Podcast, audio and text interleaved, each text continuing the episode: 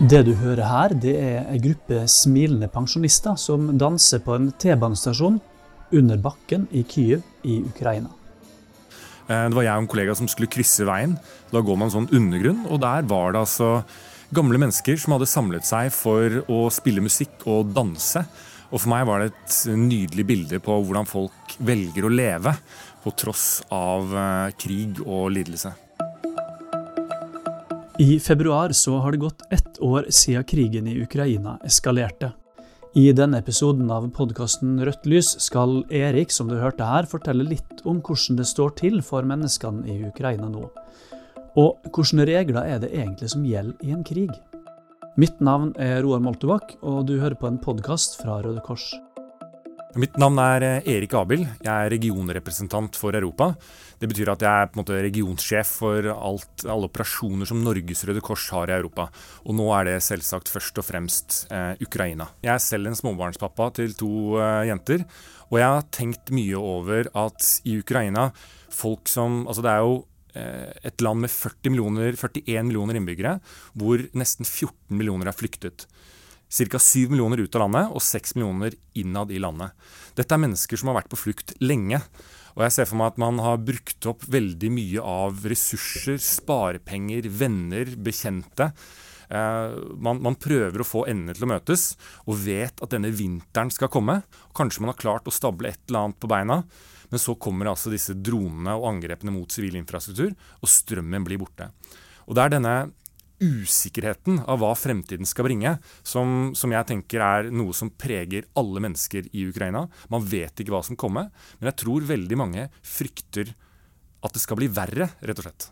Og det må være utrolig tøft å ta inn over seg hvis man er en småbarnsfar.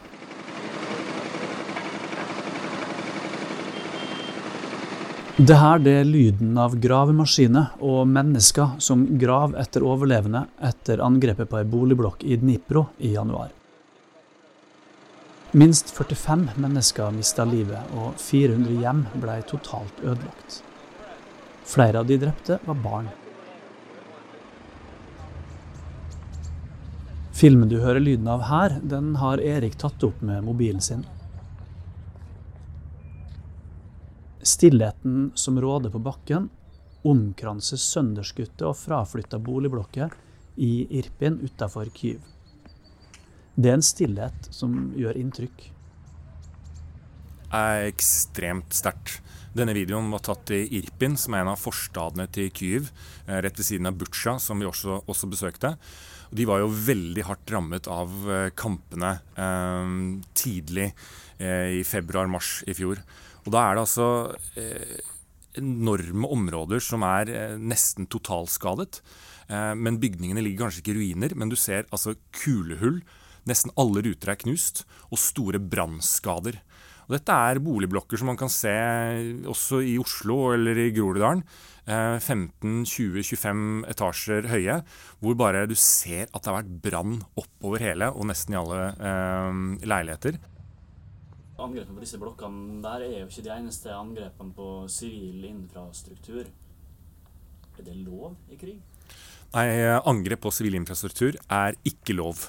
Eh, det er imot krigens regler. Og dette er utrolig viktig for Røde Kors-bevegelsen. Eh, og internasjonal humanitærrett og Genévekonvensjonene det er altså reglene for krig som stater har blitt enige om.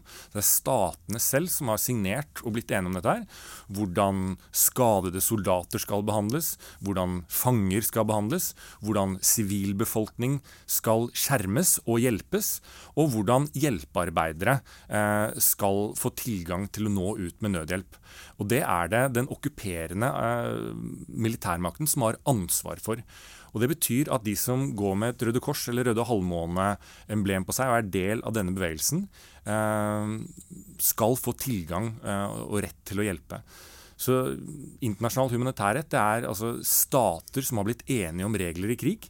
Men dessverre så ser man jo gang på gang at stater selv velger å ikke følge disse reglene. Men krig er jo kaotisk, brutalt, voldsomt. Eh, og det følger ikke eh, oppsatte spilleregler. Eh, og det er mange mennesker, sivilbefolkninger, uskyldige, som blir rammet av at man går over de grensene. Heller ikke hjelpeorganisasjonene er garantert trygghet i et krigsherja land. Krig som rammer byer og tettbygde strøk, får fort dødelige utfall, også for sivile. Når man eh, bombarderer byer og sivile områder, så blir mennesker skadet. Og Det som skjedde i Kherson i slutten av eh, desember, var at det var et eh, rakettangrep eh, mot byen. Eh, som bl.a. rammet et område hvor eh, Røde Kors jobbet med eh, å hjelpe folk.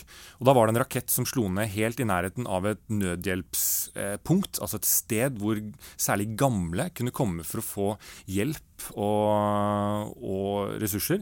Og Der var Røde Kors til stede.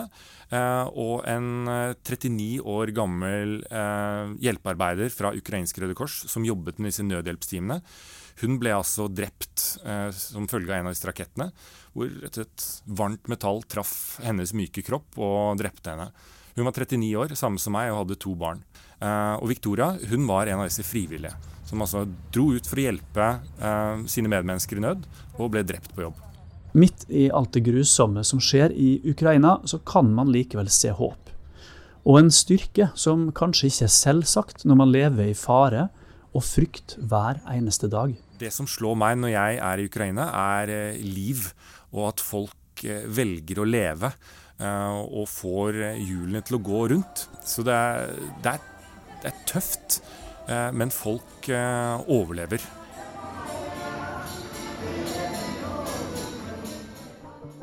Du har hørt podkasten Rødt lys fra Røde Kors.